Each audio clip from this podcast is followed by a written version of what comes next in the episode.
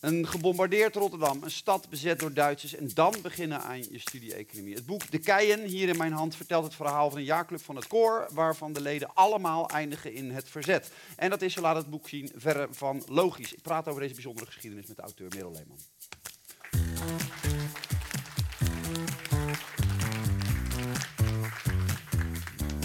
Het is een heerlijk boek. Het is uh, levendig opgetekend. Het is, oh, ik bedoel, ik woon al twintig jaar in Rotterdam, dus het, dat, dat, maakt het ook aantrekkelijk om het te lezen. Ik ken de universiteit goed, want daar gaat het ook over. Ik ken het studentenleven goed, want ik heb hier gestudeerd. Maar het is prachtig opgeschreven. Um, maar het is een uh, tot nog toe vrij onbekend hoofdstuk in de oorlogsgeschiedenis. Hoe komt dat? Nou, daar was ik eigenlijk ook wel verbaasd over. Uh, ik wilde eigenlijk beginnen ook om even je een beetje te corrigeren. Doe want dat. Het, gaat, uh, het gaat zeker over de jaarclub, maar die gebruik ik wel echt als raam naar de rest van het studentenleven in Rotterdam. Uh, ik wilde heel graag namelijk een verhaal schrijven dat wel bekend zou worden.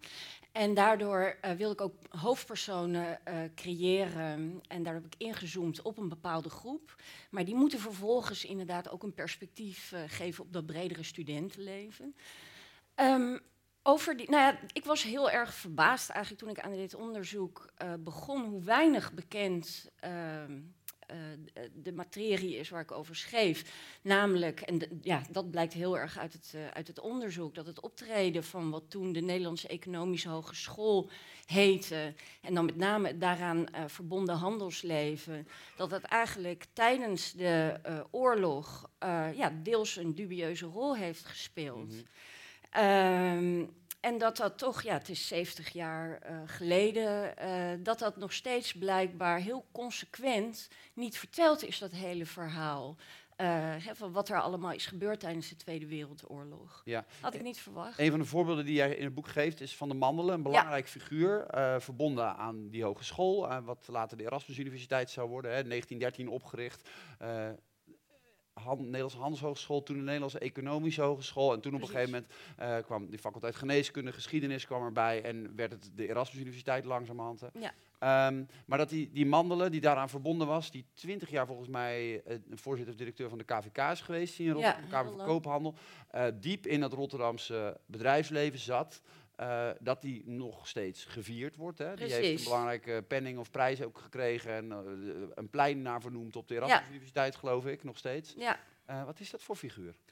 Um, nou, het, het, figuur dat opdoemt uit wat er tot dusver over Van der Mandelen geschreven is, is dat het een enorme weldoener van de stad Rotterdam is. Wat waar is, hij heeft heel veel gedaan voor de stad. Hij staat aan de basis van heel veel projecten. Hij heeft heel veel uh, sociale woningbouwprojecten gedaan. Hij zat eigenlijk uh, in heel veel commissies, ook, ook die de Kuip bijvoorbeeld tot stand hebben gebracht. Heel veel commissies die allerlei goede pro projecten voor de stad hebben gedaan. Um, je zou zeggen dat de man wel tegen de reputatie van de man wel tegen een stootje zou kunnen, maar tot op heden is eigenlijk heel consequent het beeld van Van der Mandelen Um, uh, heel eendimensionaal verteld. Uh, er is in de jaren tachtig is er een biografie over hem uh, geschreven met een hoofdstuk iets over de oorlog. Um, waarin Heette het hoofdstuk iets over de oorlog? Ja, iets nee, over de oorlog. Ja, ja. ja, dat vond ik ook opmerkelijk. Ja. Want laten we wel. Even nog iets over de oorlog. Ja, even nog iets over.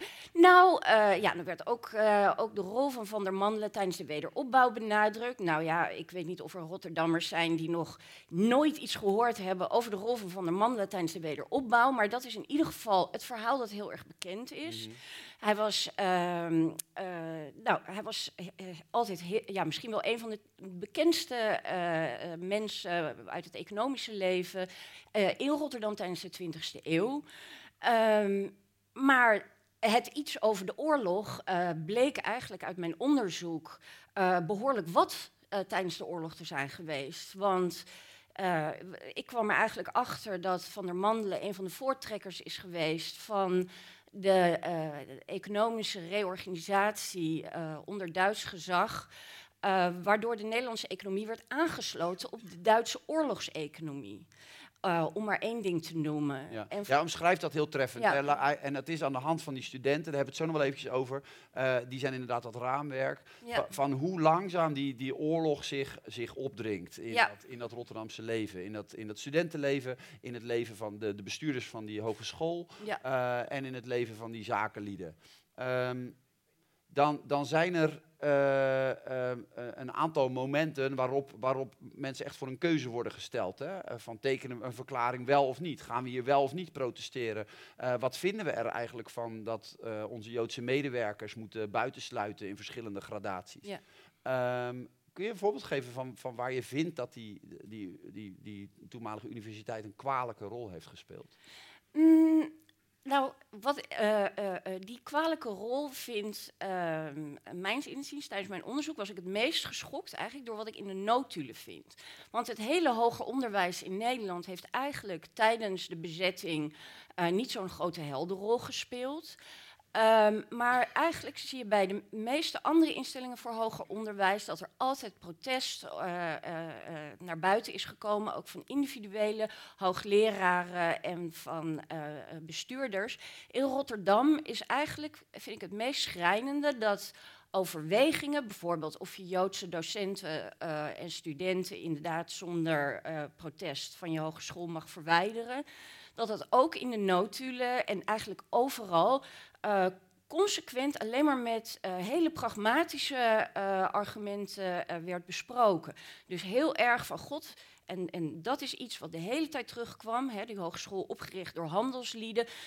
was een soort investering die behouden moest blijven, die niet in handen van de Duitsers moest, mocht vallen.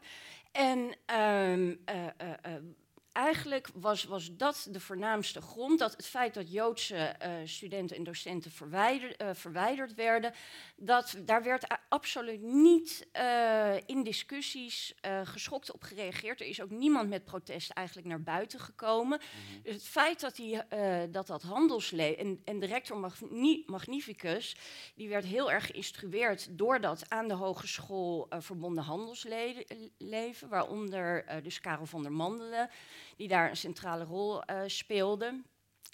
Uh, waardoor bijvoorbeeld toen studenten. Het is eigenlijk heel cynisch geconstateerd als de, als, de, als de handel maar een beetje mag blijven doorgaan. Ja. Dat, is, dat is het enige wat Alles was, moest doorgaan, maar bijvoorbeeld wat dan een heel concreet uh, voorbeeld is, is dat op het moment dat die docenten uh, ontslagen worden hè, in november 1940. Dan wordt dus, uh, moeten eigenlijk alle ambtenaren die moeten ontslagen worden, dus ook docenten uit hoger onderwijs. De studenten die willen een protestactie op touw zetten. en, en ik heb nog dat epistel in het archief gezien. Honderden handtekeningen staan daaronder van studenten. Um, de dagelijks bestuur van de hogeschool en rector Magnificus houdt een toespraak. Uh, jongens, um, jullie zijn nog eigenlijk veel te jong om over dit soort dingen een standpunt in te nemen. Maar weet je wat? Uh, als jullie beloven niet te gaan protesteren, dan zullen wij ervoor zorgen uh, dat, um, dat die brief verstuurd wordt naar het departement voor onderwijs. En dan nou ja, zullen we eens kijken of ze zich daar wat van aantrekken. Die brief is nooit verstuurd. Het eerste wat uh, de rector Magnificus uh, van destijds uh, doet, is de Duitse SD-commandant bellen en zeggen van... ik heb inderdaad, ik wil even geruststellen, ik heb protest weten te vermijden. Ik zal ervoor zorgen persoonlijk dat de brief niet verstuurd wordt. en ehm, u kunt ervan op aan dat alles gewoon hier rustig blijft. Ja je ziet eigenlijk tijdens die oorlog, ook als de uh, studenten hè, een paar maanden later uh, uh, te horen krijgen dat ze, de Joodse studenten, dat ze te horen krijgen dat ze verwijderd um, worden, zie je dat die hogeschool zich in die zin opstelt tegenover de studenten. En dat is heel consequent alleen maar protest tegengaan en dus regelmatig ook met list en bedrog. Die universiteit, ik, ja, ik, ik, zit een beetje, ik vind het lastig, want het, het, is een, het, is een, het is een lijvig boek. En we kunnen wel alleen maar hierover praten. We moeten het ook nog over die jongens hebben van de jaarclub. Precies. Um, maar die universiteit die komt niet altijd best vanaf. Hè? In dit, wat, wat, zegt, wat zegt dat jou nou over die Rotterdamse uh, hogeschool van toen? En misschien ook wel over, over de, de, dat, dat Rotterdamse, dat verwevene van economie, handelsleven en universiteit? Nou ja, dat het economisch pragmatisme, hè, dat aan die hogeschool eigenlijk het centrale klimaat uitmaakte, uh, in crisistijd uh, niet uh, consequent te handhaven is. Het feit dat er geen morele overwegingen in die brieven, correspondentie, die ik, ik heb dat hele enorme hogeschoolarchief doorgewerkt. Nou, uh, er maar aan staan. Ja, gaat er maar nou, maanden in het stadsarchief. Geen morele overwegingen speelden daarin een rol. Ja. Uh, en uh, ja, dat is heel schrijnend. Uh, kijk, ja, dat handelsleven, dat is ook, hè, dat wist ik al, dat is, was aan die hogeschool machtiger en belangrijker dan aan andere instellingen voor hoger onderwijs. Maar het feit dat ze zich zo niet, niet loyaal ook naar die studenten toe opstelden, die inderdaad met al die, al die ook bezwaren uh, wel aankwamen. En want, die, want hier, zien we, hier zien we die kei. Hè? Dit, zijn, dit, dit, dit, zijn de jongens die, uh, waarvan, die, die allemaal vroeg of laat uh, op wat voor manier dan ook wel een beetje in het verzet terechtkwamen. Um, eigenlijk uh, niet dankzij, maar ondanks hun omgeving. Hè, want ze waren aan die hogeschool verbonden. Maar ze waren ook, veel van hen, familie van uh, mensen uit het Rotterdamse handelsleven. Wat zijn dit voor gasten? Nou, dit zijn echt inderdaad een stelletje gasten. Het was echt een, een, een, groepje studenten. Nou, en dat vond ik, dat, hè, zo ging ik ook dat onderzoek in. Dat vond ik dus heel interessant. Het waren dus een stelletje studenten die eigenlijk zonder grote politieke idealen. Uh, nou, uit, meestal uit handelsfamilies afkomstig, dat verzet, uh, of uh, dat studentenleven ingingen. voor het eerst op eigen benen gingen staan en eigenlijk dat vrije studentenleven wilden omarmen. Ja. ja, dat was in bezet Nederland, maar dat was iets dat ze hè, eigenlijk een beetje uh, terzijde. Dat zit heel erg in het begin van het boek. Dat, dat, dat verbaasde mij. Ik dacht, maar jongens, het is oorlog, man. Ja. Maar wat zij doen is gewoon een beetje jenever drinken op de sociëteit. Chinees eten op Katendrecht en ja, vieze boekjes lezen. Dat bedoel, ja, ja, ja, ja, ja. niet als student. Nou ja, uh, precies. Het was, ze zijn voor het eerst gewoon zonder hun ouders. Dan wil je gewoon hè, die vrijheid proeven. Maar dat vond ik dus zo'n heel schrijnend, uh, of schrijnend, je kunt je heel goed voorstellen. Maar het vormt wel een steeds schrijnender uh, contrast als je op een gegeven moment inderdaad ook ziet dat tijdens de jodendeportaties, dat ze dan op een soort, uh, ja, hebben ze een soort re reunie ergens uh, in, op het platteland en dan zitten ze daar te feesten, gaan ze alle feestjes in de buurt af. Dat studentenleven, en dat wist ik echt van tevoren niet, dat heb ik ook no nooit ergens gelezen, gaat consequent de hele oorlog door. Ja. Dus zelfs in de hongerwinter worden er dineetjes gegeven voor honderd uh, mensen. Uh, nou ja, ik heb die menus ook gezien. God, nou. Waar trokken ze het vandaan? Ja. ja. Uh, dat waren natuurlijk jongens uh, met geld. Het gold natuurlijk zeker niet voor dat hele uh, studentenleven. Maar wat interessant is wel, dus dat ze eigenlijk een beetje dat hele pragmatische ook natuurlijk laten zien. Dat je op een hele andere manier natuurlijk ook bij dat handelsleven en bij die hogeschool terugzag. Uh, en deze studenten, ja, die raken dan heel langzaam en ook niet allemaal tegelijkertijd. Ik bedoel, er is één iemand, Frits Ruis. Hè, dat is. Uh, dat zo er een hoofdpersoon is in het boek, is dat Frits. Hè? Ja, eh, precies. Uh, gevochten in de meidagen bij Alblasserdam, geloof ik. Hè? Uh, ja, da en, dat heeft hem getekend. Dordrecht, ja. ja. Ja, er is ook een straat in Rotterdam naar hem vernoemd. Maar eigenlijk wisten mensen helemaal niks over hem. Hij wordt wel vaak gewoon genoemd als het over de oorlog en verzet gaat in Rotterdam. Maar eigenlijk uh, weten mensen helemaal niet zoveel van hem. En dat kon ik. Uh, en daarom dacht ik ook van god, het moet over deze groep gaan. Omdat ik op. Uh, ik, ik had de telefoonnummers van een aantal nabestaanders van, nabestaanden van verzetstrijders. En toen, kwam ik, toen vond ik op een gegeven moment bij een van hen een soort van kist. Of tenminste, nee, de, de, dat was een zoon, of een uh, zoon. En die zei van, nou, ik heb volgens mij nog ergens een kist op zolder staan. En uh, ik weet niet wat erin zit. Nou ja, dat bleek toen uh, een kist te zijn met enorm veel materiaal. Niet alleen over het verzet, maar ook dus over het logboek van de jaarclub. Waarin ze dus al hun feestjes en braspartijen beschreven. Maar ook ja, dit, over dit, dit, dit, wil ik even weten, want dit ja. wordt heel veel, bijna, bijna elk hoofdstuk wel een paar keer aangehaald, ja. het logboek. Is dit gewoon een typemachine die in dat huis stond op de Klaas de Vrieslaan, waar die gasten gewoon elke avond zo'n beetje zo, zo van, nou, doe jij even een paar regels over de borrel van vanavond? Of wat is ja, dit? zoiets. Nou, elke, elke paar maanden had geloof ik één kei de verantwoordelijkheid over dit logboek. En uh, dat gaat dan, uh, ja, dus de eerste oorlogsjaren gaat dat door. En voor mij was dat ontzettend interessant, omdat je dus uh, al die uh, studentendingetjes, nou, uh, van, oh god, we hebben weer wat feuten ontgroend en we hebben, maar ook van...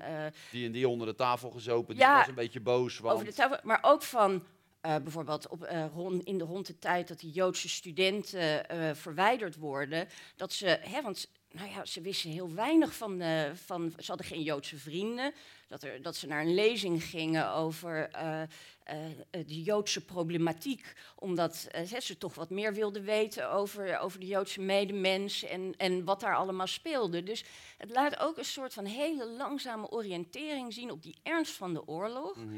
Natuurlijk zeker onder aanvoering van Frits, die dus eigenlijk de enige is van die hele groep die meteen in verzet ging. Die andere studenten die gaan op verschillende uh, momenten tijdens die oorlog ook in verzet. Wat dus heel erg ook laat zien dat, ook al woon je dus ja, met iemand die, om het even plat te zeggen, een verzetsheld is. Nou ja, dat mag je wel van Frits uh, Ruis, denk ik, zeggen. Uh, dat, um, dat het heel lang kan duren voordat je toch als student beslist van hé, hey, ik maak die stap. Ja. Jij wilde, jij wilde weten hoe dat proces ging. Dat is prachtig gedocumenteerd hier. Maar waarom vond je dat belangrijk om zo uit te zoeken van, van die verschillende nou, jongens? Meestal, uh, hoor, uh, als je boeken over het verzet uh, leest, dan gaat dat eigenlijk pas over het moment dat ze in verzet gaan. Mm -hmm. En dat is dan vooral in de laatste oorlogsjaren. Natuurlijk als het over studenten gaat, zeker vanaf 1943, als heel veel hoger onderwijs natuurlijk stopt.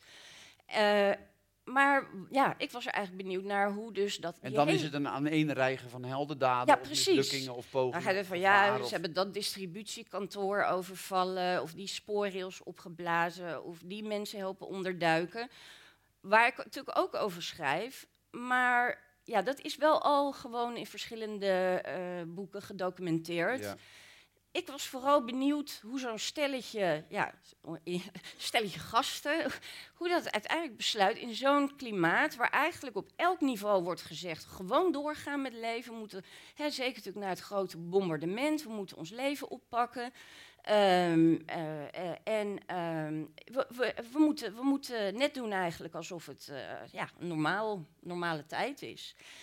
hoe zo'n zo'n stelletje jongens dan uiteindelijk zich bewust wordt van... hé, hey, dit, dit is iets waar we geen vrede... Hè, wij kunnen hier niet langer mee leven. Ja, ja. Dus. Um, we hadden het net even over die universiteit, die hogeschool, die er niet altijd best van afkomt. Ja. Hetzelfde gaat ook wel een beetje voor het koor, hè, voor zo'n studentenvereniging, waar je toch niet bepaald het, het engagement en het activisme verwacht wat je misschien daar zou denken ja. te vinden. Ja, nou, ik heb zelf ook helemaal niet bij het koor geschreven. En ik vond toen ik daarover over gezeten. Dus ik vond het heel interessant. Ik heb al die blaadjes, ook die koorblaadjes, tijdens in de jaren dertig uh, uh, doorgelezen. En ik raakte er ook van bewust hoe ideologisch eigenlijk dat koor is. Uh, dat het dus echt ook een soort mentaliteit is die erin gehamerd wordt. Dat vond ik heel interessant, omdat het natuurlijk toch Wat ook... is dat dan voor mentaliteit? Ja, natuurlijk heel hiërarchisch. Het is echt, uh, ja, uh, bij het koor, en zeg, wordt ook letterlijk gezegd, hè, je leert macht uitoefenen, macht ondergaan. Het gaat dus, nou, tijdens die groentijd wordt een soort solidariteit... kennismakingstijd, hè? is dat waar, of de ontgroeningstijd? Ja, echt ontgroening. Ken kennismakingstijd heet het dan bij andere clubs. Mm -hmm. um, ja, echt dus loyaliteit met de mensen die met jou in hetzelfde, schuitje zitten. En de, uh, zo kun je overleven. En dat is eigenlijk, he, dat is eigenlijk een mentaliteit dus van um, nou, je, je, een soort van groepsvorming. In plaats van idealen. Hè, je ziet dus, uh, het koor is uiteindelijk het doel op zich. Dus het in stand houden, uh, om het even zo te zeggen, van ja, een soort groep, een soort instituut. Uh, in plaats van wat ze bijvoorbeeld bij de SSRR uh, eh, hadden. Dat was de gereformeerde uh, studentenvereniging. Hier om de hoek, ja. Ja, oh ja precies. Uh, die, daarin stond natuurlijk alles in dienst uiteindelijk van het geloof. Wat natuurlijk ook zowel een soort van hoger principe was, maar bij het koor ging het En ook nog wel buiten, buiten de sociëteit. Buiten de maar sociëteit. hier is het dus alleen maar op die interne structuur hier, Ja, en iets wat in zeker in Nederland eigenlijk voor dat hele studentenleven gold... Uh, en misschien nog wel uh, nog steeds, is dat uh, de student eigenlijk een eigen maatschappij in de maatschappij ehm, vormde. En dat gold dus zeker voor het koor. He, alles stond in dienst van het koor. Je mocht dus ook geen initiatieven of maatschappelijke initiatieven echt buiten dat koor ondernemen. Je creëert je eigen wetten, je mores, je, uh, nou ja, je, je vriend. Je moest je lossnijden van het leven dat je daar eigenlijk daarvoor geleid had. Mhm. Nou, ik vind dat dus ook heel radicaal. Ja. Uh, Dit is wel wat veranderd, toch? De afgelopen uh, bijna 100 jaar. Zit hier iemand bij het koor? Ik weet niet. nou, kijk, daar, uh, wat je hoort natuurlijk, of wat je leest in kranten. Ehm, en er zijn natuurlijk best wel vaak ook misstanden bij het koor. Mhm. Nou, het feit dat die natuurlijk vooral, ook wel bij andere verenigingen af en toe, maar vooral bij het koor, laat toch zien het feit dat je natuurlijk heel erg ook ja, denkt dat je kan beschikken over een soort van eigen dat je je eigen domein hebt en daar eigenlijk je eigen regels maakt. Ja. En dat daar ook over niet, en dat is ook iets wat je bij het handelsleven in die hogeschool ook weer ziet, je houdt alles intern. Dus niks mag naar buiten komen. Net zoals dat de docenten aan de handelshogeschool heel erg, in de pas liepen, zie je dat dus ook, ja, vooral dus bij die core mensen. Maar het was dus ook breder in Nederland dat de studentenperiode echt als een soort overgangsfase werd gezien. Je werd dus opgeleid tot burger, maar was het nog niet. Dus ja, je kunt je voorstellen dat je, dan ook als student uh, ja, wat moeite hebt om je als uh, verantwoordelijke burger te gedragen als je geen eens mag stemmen. Nederland was ook heel laat ook met uh, het verlagen van de kies, van de stemgerechtigde mm. leeftijd in vergelijking met andere landen. Ja, ik zit even te kijken, meer. Ik heb nog zoveel vragen, maar we zitten al gewoon hartstikke aan de tijd. Oh, echt? Ja. Uh, eens even denken, wat gaan we Even allemaal... een leuke uh, afsluiting. Ja, moet dat van de Mannenleplein, uh, dat is zo een beetje zo voor de aula, hè, centrale gebouw en het bestuursgebouw van de universiteit. Moet dat, het straatbordje, het straatbordje nou afgesloopt worden, vind jij uh, hier? Nou, ik vind in ieder geval dat als je ervoor kiest als stad om, een, om zo'n eh, figuur centraal te zetten in je stad, uh, dat uh, je in ieder geval het hele verhaal in overweging moet nemen. Mm. En het feit dat dus inderdaad, het, uh, ja, in samenwerking natuurlijk met het gemeentebestuur en iedereen, want Van der Man leeft dus in 45 in die zuiveringscommissie ook gezeten. wat natuurlijk echt heel erg schrijnend is, omdat hij op die manier ook natuurlijk zelf aan veroordelingen ontkwam. Uh, ik wil dat al die feiten, of tenminste dat zou ik uh, Rotterdam adviseren, al die feiten meegenomen worden in het doorgaan met het op een voetstuk plaatsen van deze uh, heer van der Mandelen. Ze beginnen met een stapeltje boeken erbij, uh, het college van bestuur. Goed idee, toch? Gewoon ja, bij, zeker. Bij dat plein. Hey, um, nog eventjes over de situatie uh, nu, de verkiezing van vorige week. Ja. Um, wetenschap ligt ook flink onder vuur. culturele instellingen en universitaire instellingen ja. kunnen het best een beetje zwaar krijgen. Um, wat, wat, wat, wat, wat verwacht jij van engagement, idealisme? Uh, en maatschappelijke betrokkenheid en verzet bij universiteiten met, met, met alle kennis over deze totaal andere tijd. Nou, wat ik verwacht of wat ik wil. Want wat je, laten, we, laten we gewoon afsluiten met wat je wil. Want ja, nou, kijk. Hoop wilden we nog. Ik ook. denk dat studenten in andere landen in, in de geschiedenis een veel grotere rol hebben gespeeld dan in Nederland. Uh, en ik hoop heel erg dat studenten, uh, ik bedoel, de jaren zestig waren dan even ook een soort van, uh, nou ja, uitzondering eigenlijk. Klein oplevingje. Ja, klein oplevingje. Ik denk dat studenten, zeker met de huidige werkdruk druk op universiteit, ik bedoel, je zou toch nu moeten gaan studeren, dat lijkt me verschrikkelijk. In vier jaar die, hup, die studie door. je hebt geen tijd voor iets anders, maar ik hoop dat ze op een gegeven moment inderdaad zien dat een verdere verschraling van onderwijs gewoon echt niet kan in dit land. En dat de dus- studenten gaan en dat is die radicaliseer mensen. Nou, in ieder geval een stem laten horen en, en, en zeggen dat dit gewoon niet verder kan. Dank. Het boek ligt uh, vanaf deze maand in de winkel. Tweede druk ben je al mee bezig, Ja, tweede druk, ja. Ga het allemaal lezen, het is hartstikke leuk. De Keien, Merel Leeman, leuk dat je er was. Geef een warm applaus.